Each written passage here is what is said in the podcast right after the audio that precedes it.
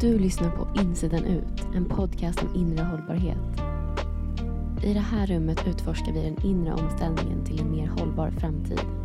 Det skifte som är en förutsättning för att få till varaktig och verklig förändring. Mitt namn är Emma Jensen och i den här podden delar jag med mig av min metod för att finna hopp och kraft till att vara den förändring du vill se i världen. Det är det som är insidan ut. Här börjar resan.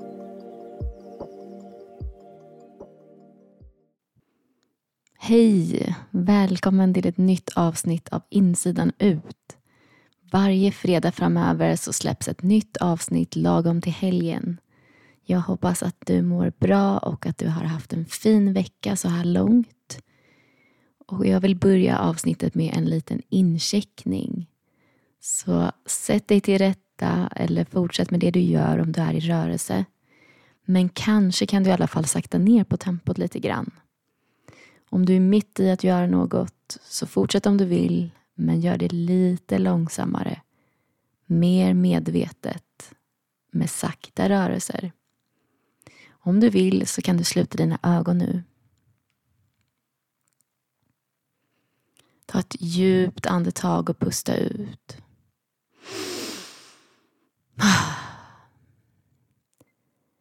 Vad upplever du just nu? Vilken känsla är mest levande i dig?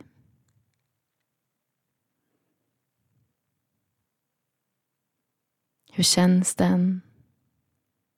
Var i kroppen känns den?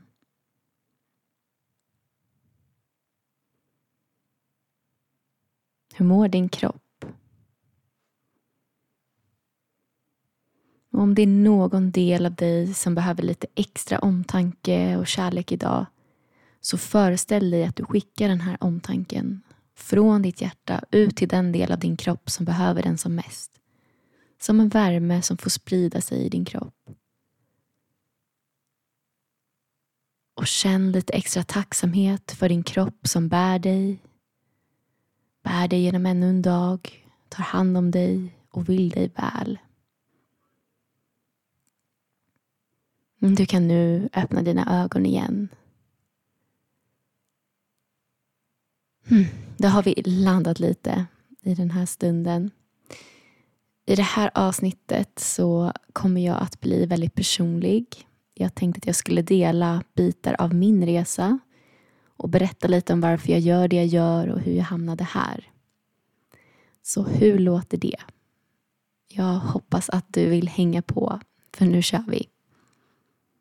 Vi börjar med att resa tillbaka i tiden det här är en solig sommardag 1999. Jag är fem år gammal. Det är en sån dag då livet leker och allting känns lätt och härligt. Jag är på stranden med min mamma och min lilla syster. Solen skiner, fåglarna kvittrar, barnen plaskar vid strandkanten. Alla barn förutom jag då. Man skulle kunna tro att jag bygger sandslott, att jag badar eller att jag leker med min syster. Men nej då. Där ligger jag på min badhandduk och läser. Med stor förundran vänder jag på blad efter blad och slukar allt jag läser. Och det här, det här är inte vilken bok som helst. Det här är en riktig tungviktare. Boken är nämligen 500 sidor lång och väger minst ett kilo. Jag kan alltså knappt läsa, jag är fem år gammal. Den här boken har jag trots allt ändå släpat med mig i min strandväska. Så nu är ni ju säkert väldigt nyfikna på vilken bok som var så viktig att släpa med mig hela vägen till stranden på en varm sommardag. Ja, det var inget mindre än De yngstas bibel. Alltså en mer lättläst version av bibeln, men för barn. Och jag överdrev inte när jag sa att det var en tung inbunden bok. Så pass tung var den att jag läste titeln fel och trodde att den hette De tyngstas bibel. Jag kunde ju inte läsa ordentligt till mitt försvar. Det här är en berättelse jag har fått återberättad så många gånger av min mamma. Hon kunde ju inte hjälpa att skratta över komiken i den här situationen. Där ligger jag som femåring på stranden och läser bibeln. När jag knappt kan läsa. Eh, lite väl pretentiös kanske. Man tänker ju att jag i alla fall hade kunnat välja något mer lättsmält men jag väljer att ta med Bibeln av alla böcker. Är det lustigt, uppseendeväckande eller kanske till och med lite mörkt? Det kan man undra. Men varför börjar jag då avsnittet med den här märkliga anekdoten? Jo, för den säger mycket om hur jag var som barn. Jag var ett väldigt nyfiket barn. Jag var den som ställde en miljon frågor tills mina föräldrar varken visste ut eller in. Jag ville veta precis allt. Och det var ofta djupa existentiella frågor kring livets mening, hur saker hänger ihop, varför saker är som de är. Vi pratade politik hemma kring matbordet. Vi pratade om andlighet, religion, existentialism och alla dessa stora frågor. Jag hade hela tiden en önskan att förstå, att lära mig. Min törst efter kunskap var så stor att jag till och med bad min lärare om läxor i sex års och blev jättebesviken när hon sa att jag fick vänta tills jag började ettan. Jag var en riktig nörd. Som barn hade jag två sidor i mig. En sida som alltid har längtat efter att bli vuxen. Jag var nog lite lillgammal. Och sen hade jag den här mer lekfulla barnsliga sidan. Jag var en riktig teaterapa som älskade att stå på scen. Jag sjöng på skolavslutningar, spelade teater, tävlade i diskodans. Jag lekte med mina vänner och utsatte mina småsyskon för bus och hyss.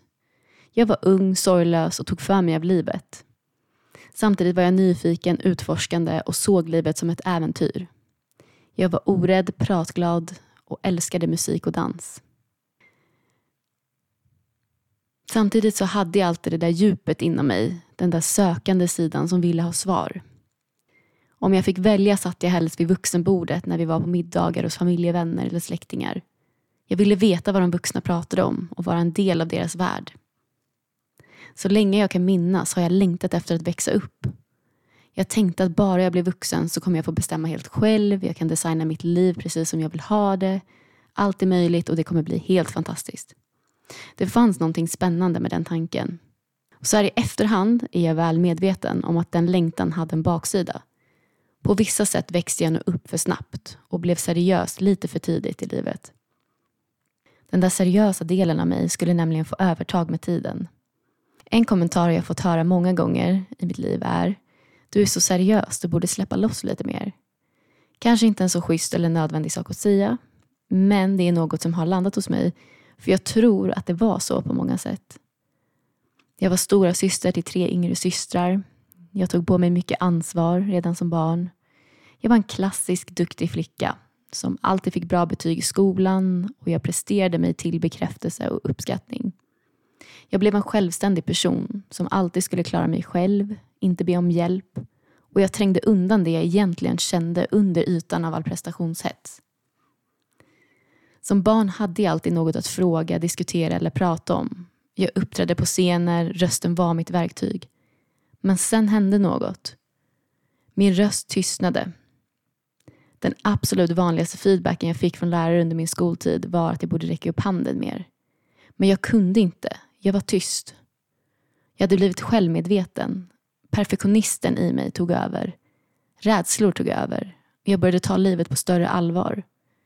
Jag gjorde allt som gick för att inte synas och höras. Jag ville inget heller än att gå obemärkt förbi, smälta in i min omgivning. Den seriositeten jag bar på och den röst som hade tystnat präglade mig. Jag formades efter samhällets ramar och förväntningar om att vara en snäll, tyst, duktig flicka. Jag presterade, gjorde, tänkte, använde min hjärna som främsta redskap. Men vad hade hänt med det där sorglösa sprudlande barnet som lekte, tog för sig och kände sig så himla levande? I stunder kom den där lekfulla Emma fram. Som när jag var ute och dansade med vänner. Då kunde jag känna mig precis så där levande och sprudlande på nytt. Men ofta så gömde jag mig bakom en seriös framtoning. Ni är säkert fler som kan känna igen er att ni blev mer stängda, kontrollerade och ordentliga när ni lämnade barndomen bakom er. Det är ju vanligt att kreativitet och lekfullhet ersätts med produktivitet och ansvar. Det är en del av vuxenrollen, tänker vi i alla fall. Det är så samhället vill att vi ska vara. Men det kan få ett högt pris. Och länge var jag omedveten om priset jag betalade. Jag var väldigt stolt över mina prestationer och identifierade mig med dem. De styrde mitt liv. Under mina högstadieår skedde en annan avgörande händelse När jag gick i sexan blev mina klasskompisar retade för att deras land inte fanns representerat på världskartan. Det ledde till ett sårbart samtal om den diskriminering deras folkgrupp utsätts för, politisk förföljelse och strukturellt våld. Den händelsen berörde mig på djupet och satte igång en drivkraft inom mig. Jag insåg att jag inte vill vara en passiv åskådare i en sådan värld. Jag förstod att det måste finnas något grundläggande fel i hur vi förhåller oss till oss själva, världen och andra. Där och då bestämde jag mig för att jag ville bli diplomat. Jag hade vägen utstakad för mig. Jag skulle läsa en utbildning inom freds och utvecklingsstudier. Jag ville göra praktik på en ambassad, resa världen runt, läsa en master och sen söka in på diplomatprogrammet.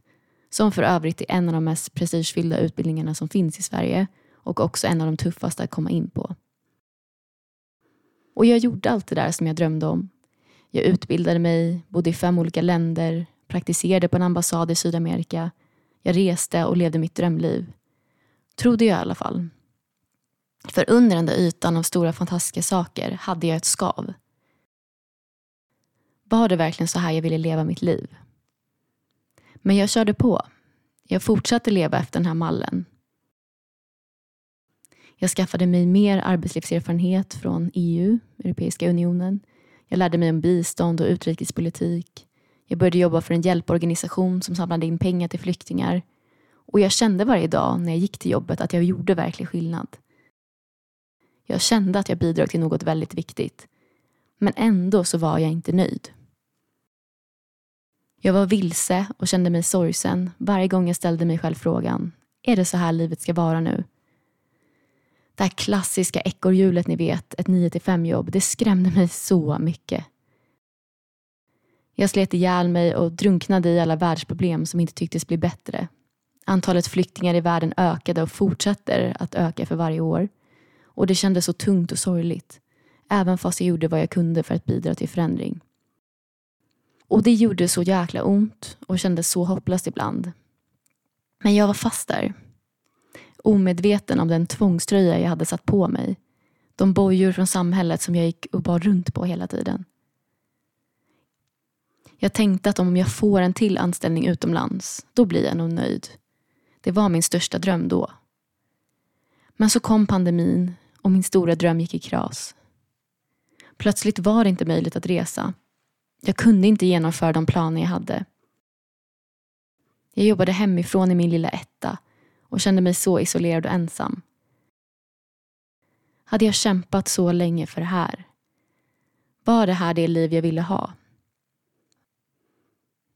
Jag tvingades precis som alla andra att sakta ner och som den rastlösa person jag var gjorde det mig galen. Men i allt det där mörka så hände det något vackert under den här perioden. När jag började acceptera läget och finna mig i det. Smärta har ju den förmågan att det faktiskt lär oss viktiga saker om livet. Och framförallt om hur vi kanske inte vill ha det. Jag fick syn på det som verkligen betyder något. Kärlek, relationer, god mat, upplevelser, det enkla avskalade livet. Och jag återupptäckte min relation till något som har påverkat mig sedan dess. En glömd och bortprioriterad relation som jag tog för givet och inte vårdade. Nämligen min relation till naturen. Jag började spendera mer tid utomhus. Jag insåg att jag aldrig hade besökt norra Sverige. Så jag bokade därför en spontan resa till Abisko och satte mig på det 16 timmar långa tåget från Stockholm. Helt ensam och kände mig så spänd och förväntansfull. Det blev en magisk resa med vandring, fjäll, vyer som jag aldrig glömmer och en djup och villkorslös kärlek till naturen och den värld vi är en del av. Sedan den sommaren har jag som tradition att göra en längre vandring varje år. Men jag upptäckte också något väldigt viktigt när jag började odla den här relationen. Jag insåg att jag helt hade blundat för klimatkrisen. Det hade känts allt för tungt att tänka på och jag intalade mig att jag inte tyckte att det var intressant nog och att det var okej att blunda då för att andra minsann tyckte det var intressant och de kunde ta det viktiga ansvaret istället. Jag lärde mig om smältande glaciärer, hur renarna i vårt kära land redan påverkas hårt och jag såg turismnäringens baksida med natur som exploateras och att vi utgår ifrån att naturen är en resurs som vi automatiskt har rätt till och fogar över. Jag insåg att klimatkrisen redan händer utanför vår dörr. Det här är ingen fråga för framtiden.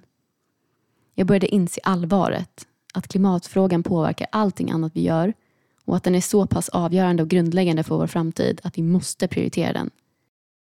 Alla måste bry sig, det är inget val. I samband med den här perioden började jag också fördjupa relationen med mig själv. Jag hade alltid slukat böcker om personlig utveckling som den bokmaliga är. Men i den vilsenheten, den smärtan som uppstod under pandemin, började jag ta mina signaler på allvar. Jag började lyssna på det skav jag kände och bekanta mig med det. Jag insåg att min hjärna var ett fantastiskt redskap som jag hade förlitat mig på. Men jag var också helt uppslukad av mina tankar. Jag upplevde ett konstant brus i huvudet. Tankar hit och dit. Jag slungades fram och tillbaka mellan att älta dåtiden och planera för framtiden. Jag fångades med och fastnade ofta i att överanalysera händelser. Jag hade svårt att koppla bort och var sällan i nuet. Jag tänkte och presterade mig till resultat.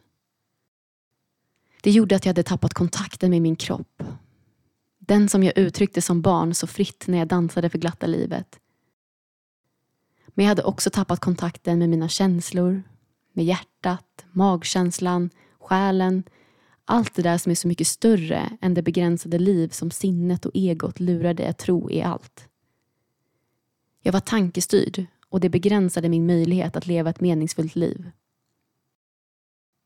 De senaste åren har jag gått i terapi, coaching, jag har provat meditation, breathwork, yoga, jag har åkt på en massa retreats. Allt det där som man tänker ingår i en resa som handlar om att hitta sig själv. Och för mig var den här resan helt avgörande.